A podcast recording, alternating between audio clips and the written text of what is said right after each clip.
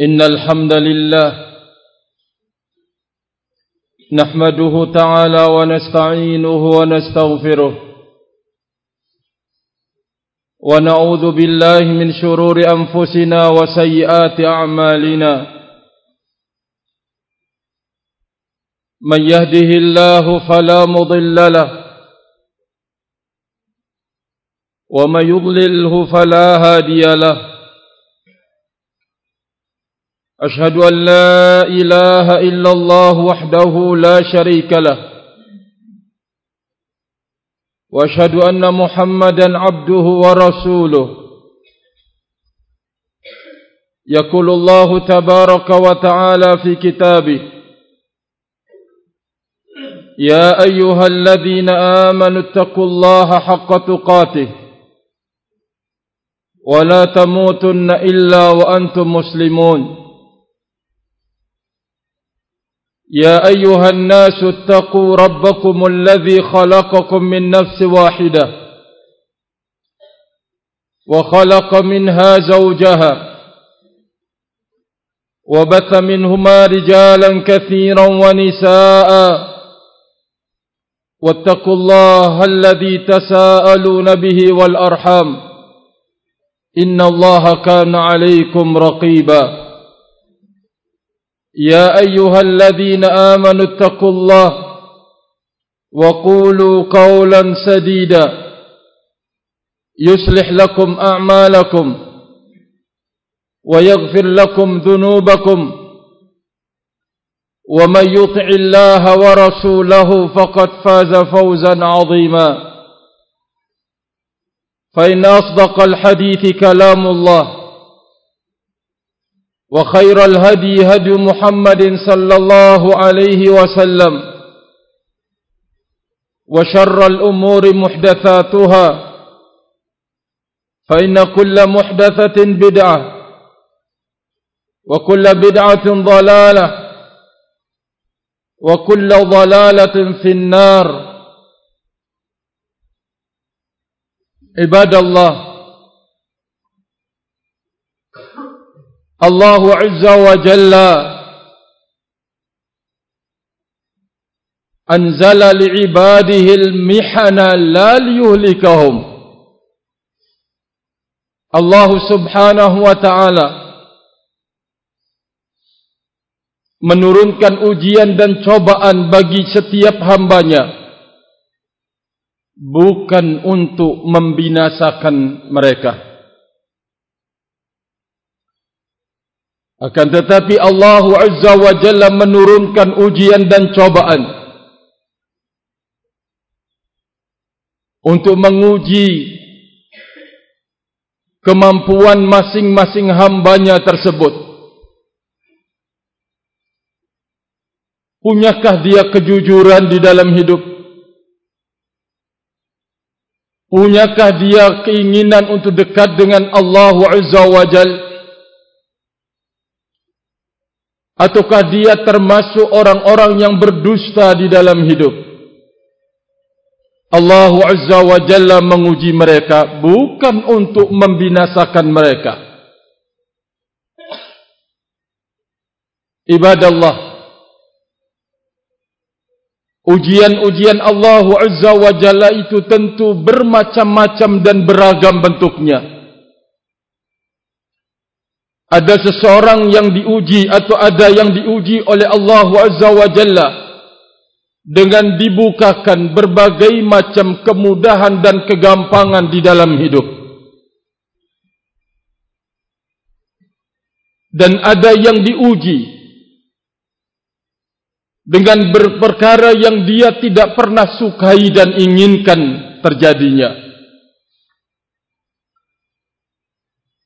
Allah Azza wa Jalla wa nabluukum bil khairi wa syarri fitnah. Kami menguji kalian dengan kebaikan. Kami menguji kalian dengan kejelekan. Semuanya itu adalah fitnah kata Allah Azza wa Jalla. Maka disinilah letaknya seseorang hamba yang jikalau ingin terbang dengan dua sayap sebagaimana burung yang sedang terbang tinggi di udara maka dia harus menjaga kedua sayapnya. Jangan sampai patah. Jangan sampai lenyap.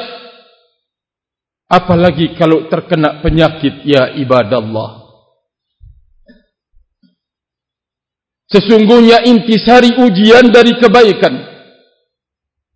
dan intisari ujian dengan kejelekan adalah tergantung dari diri-diri kita ya ibadallah. Syekhul Islam Abu Ismail Al-Harawi rahimahullahu taala mengatakan Al-arifu yasiru ila Allah baina mushahadatil minnah, wa muta'alati nafsiha wa uyubiha wa mutala'ati nafsiha wal amal. Kata Syekhul Islam Abu Ismail Al-Harawi rahimahullahu taala bahwa orang yang berilmu orang yang punya jiwa kearifan berjalan kepada Allah Azza wa Jalla dengan dua perkara. Pertama musyahadatul minnah menyaksikan nikmat-nikmat yang diberikan oleh Allah Azza wa Jalla di dalam hidup. Mungkin belum pernah tergambar jika ujian yang Allah turunkan itu akan bisa berubah menjadi nikmat tidak tergambar barakallahu fikum.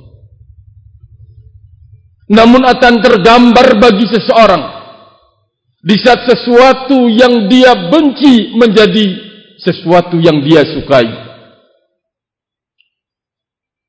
Ujian dan cobaan menjadi sebuah nikmat bagi dia. Maka di saat seseorang muslim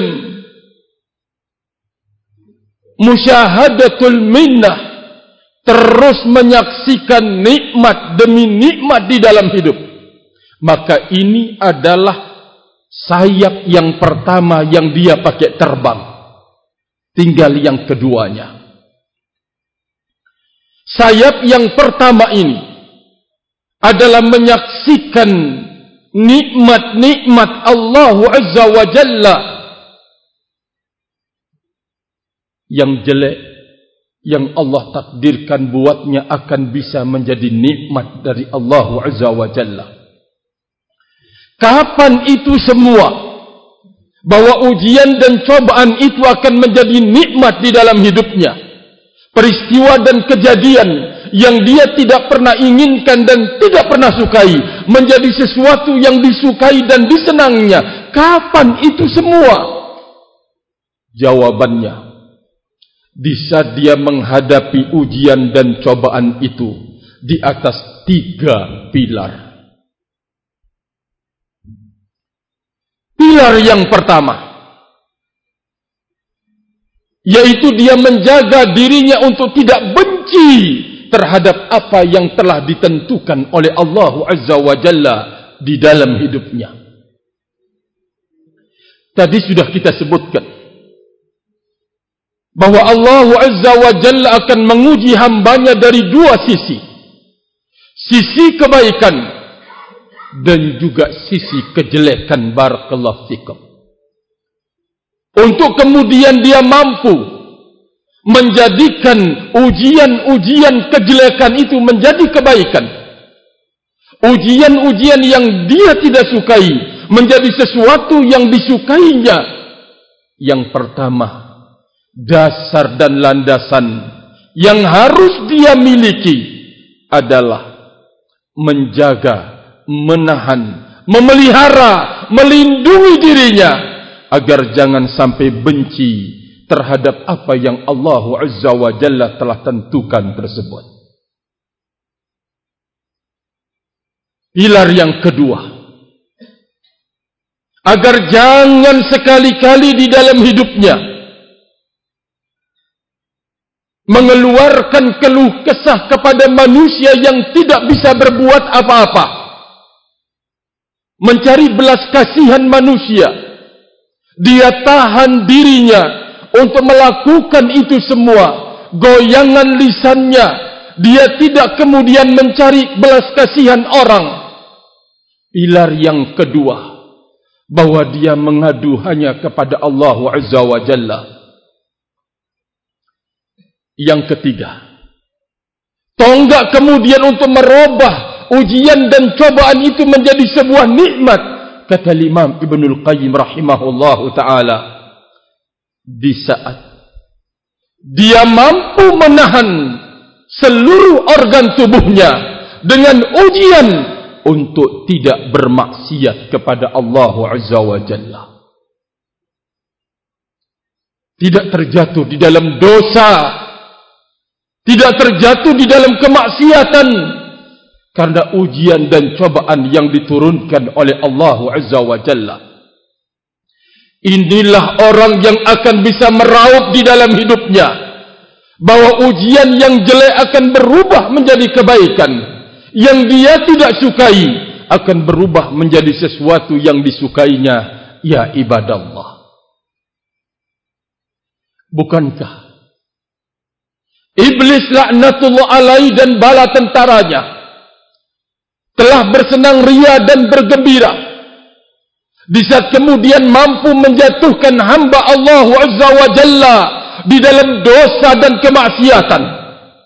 Dia menganggap bahawa lewat dosa dan kemaksiatan ini dia akan bisa membinasakan, bisa menghancurkan, meluluh lantahkan, merendahkan dan menghinakan hamba Allah Azza wa Jalla dia belum tahu bahawa di sana Allah Azza wa Jalla bukakan bagi hambanya untuk dia bisa terdongkrak menjadi orang yang mulia menjadi orang yang terhormat setelah dia berlumuran di dalam dosa. Allah buka baginya untuk kemudian pintu membuka baginya pintu-pintu taubat.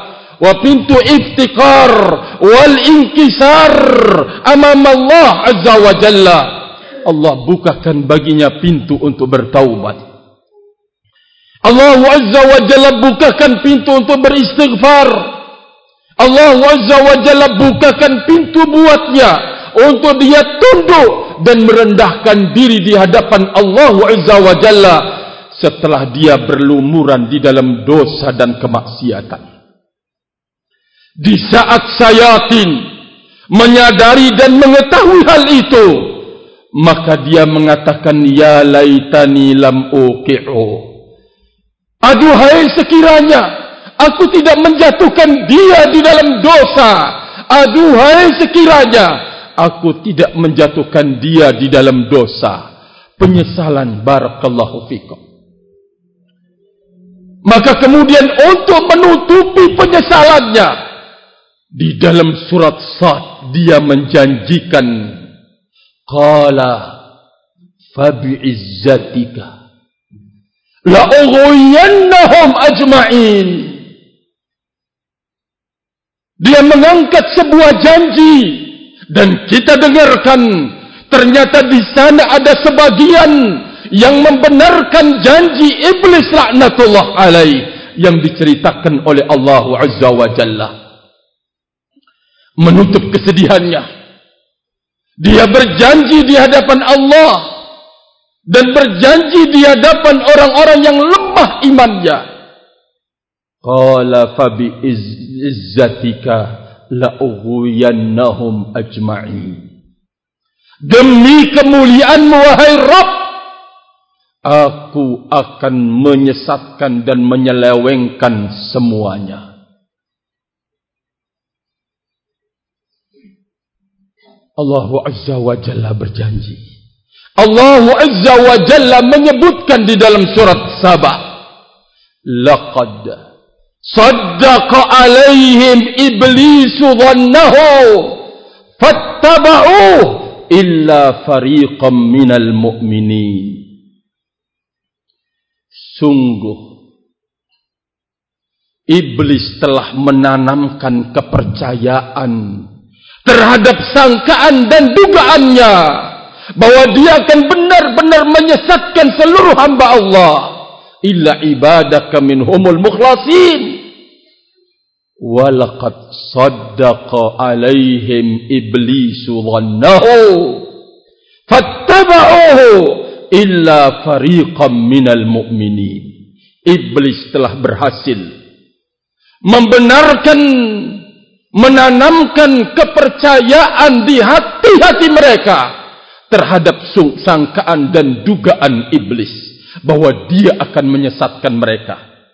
Lalu mereka mengikutinya kecuali sebagian kecil saja dari kaum mukminin. Kata Allah Azza wa Jalla. Wa ma lahu alaihim min sultan bagi orang yang beriman yang sedikit ini tidak ada kekuasaan sedikit pun iblis atas mereka. Ya ibadallah. Kalimat yang sangat agung. Sebuah anugerah besar dari Allah Azza wa Jalla.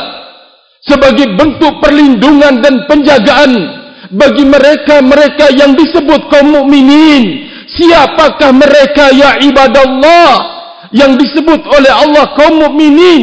Adalah orang yang terbaik bisa diuji dengan kebaikan dan orang yang terbaik bisa diuji dengan kejelekan. Inilah yang dimaksud oleh Allah Azza wa Jalla di hadapan iblis laknatullah alaih tidak akan bisa mereka kuasai.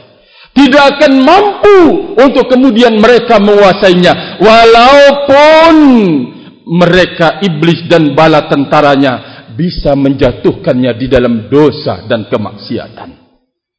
Tapi tidak pernah memiliki kekuasaan atas mereka. Sekali lagi. Siapa mereka kaum mukminin yang disebutkan di dalam ayat Al-Imam Ibnul Qayyim rahimahullah menggambarkan kepada kita hamba Allah mukminin yang dimaksud di dalam ayat adalah orang yang terbaik bisa diuji dengan kebaikan dan orang yang terbaik bisa diuji dengan kejelekan ya ibadallah bagaimana seseorang menjadi terbaik bisa diuji dengan kebaikan Jawabannya, dia tampil menjadi orang yang bersyukur kepada Allah. Dia tahu kalau nikmat yang dia dapatkan dan kesenangan yang dia peroleh semata-mata datangnya dari Allah Azza wa Jalla. Yang kedua, dia pergunakan lisannya untuk mengungkapkan kesyukuran dia kepada Allah. Ketiga, dia manfaatkan dan pergunakan nikmat-nikmat dan karunia yang diberikan oleh Allah Azza wa Jalla pada jalan yang diridhai oleh Allah. Inilah dia terbaik orang. Di saat Allah Azza wa Jalla memberikan kepadanya nikmat-nikmat dialah orang yang terbaik dan dialah orang yang akan mendapatkan perlindungan ya ibadallah. Yang kedua, orang yang terbaik bisa diuji dan dicoba dengan sesuatu yang dia tidak sukai, dengan sesuatu yang dia tidak senangi. Pertama, dia tidak benci terhadap apa yang telah Allah tentukan di dalam hidup tersebut. Yang kedua, dia tidak berkeluh kesah kepada siapapun dan yang ketiga dia menjaga organ tubuh ini untuk tidak terjatuh di dalam dosa dan kemaksiatan karena ujian dan cobaan itu. Inilah dia orang yang terbaik bisa dicoba dan diuji oleh Allah. Inilah yang dimaksud oleh Allah di dalam ayatnya. Inna ibadi laisa laka alaihim sultan. Hamba-hambaku wahai iblis anda tidak punya kekuasaan atas mereka inilah yang dimaksud oleh Allah Azza wa Jalla di dalam firman-Nya alaysallahu bikafin abdahu Bukankah Allah Azza wa Jalla yang akan memberikan kecukupan kepada hambanya. Bentuk kecukupan. Allah tidak akan tunggangi dan berikan kekuasaan syaitan pada dirinya sendiri ya ibadallah.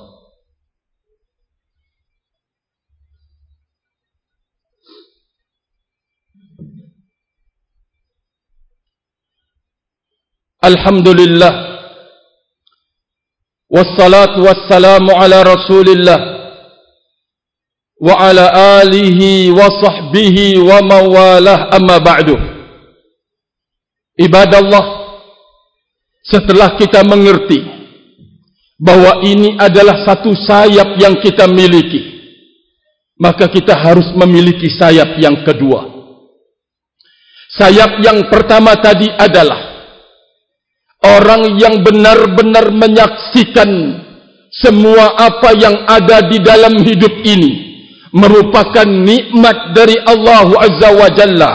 Apapun yang diputuskan di dalam hidupnya, dia sakit, dia robah menjadi sebuah nikmat.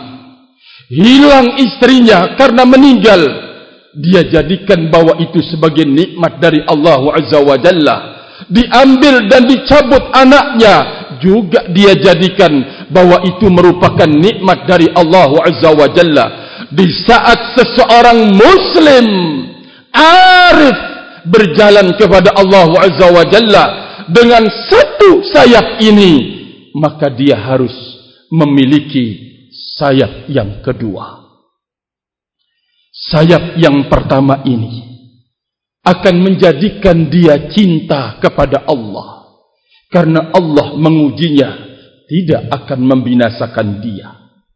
Tetapi Allah Azza wa Jalla mengujinya untuk kemudian menambah amal soleh dan menambah nilai-nilai kebaikannya.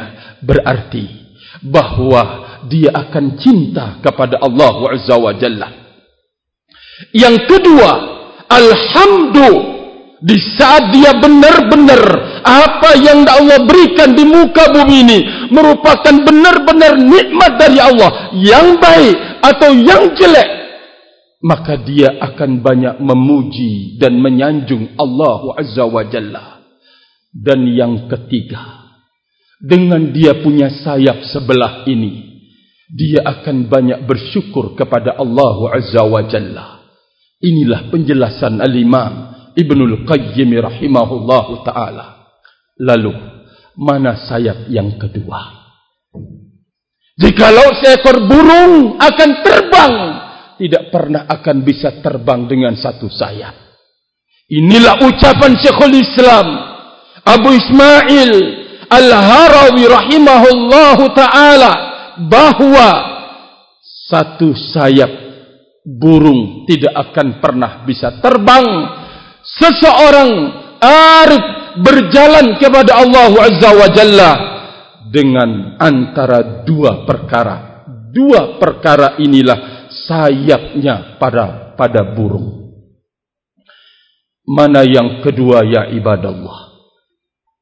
Kita ingin terbang dengan menggunakan dua sayap. Kita ingin sampai kepada tujuan kita yaitu Allah Azza wa Jalla ingin berbahagia di saat kita ingin sampai di saat kita sampai kepada Allah Azza wa Jalla. Perhatikan baik-baik sayap yang kedua ini. Yaitu mutala'atun nafsi wa uyubiha wa udwaniha wa zulmiha. Yaitu selalu melihat, mengoreksi, mempelajari, memperhatikan tentang dirinya, aib-aib yang ada pada dirinya, kezaliman yang ada pada dirinya, kerusakan, kejelekan yang ada pada dirinya, maka ini adalah sayap yang kedua yang dipakai terbang oleh burung barakallahu fikum.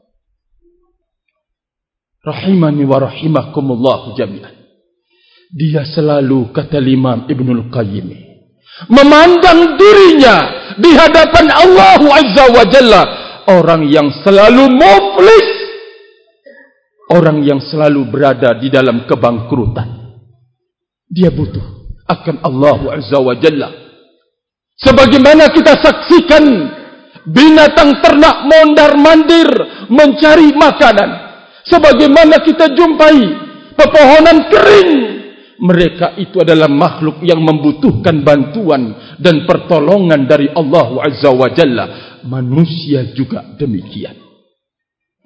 Maka di saat manusia itu mengetahui dirinya, mengetahui aib-aib dirinya, mengetahui kezaliman yang ada pada dirinya, maka ini adalah sayap yang kedua yang dia pakai terbang.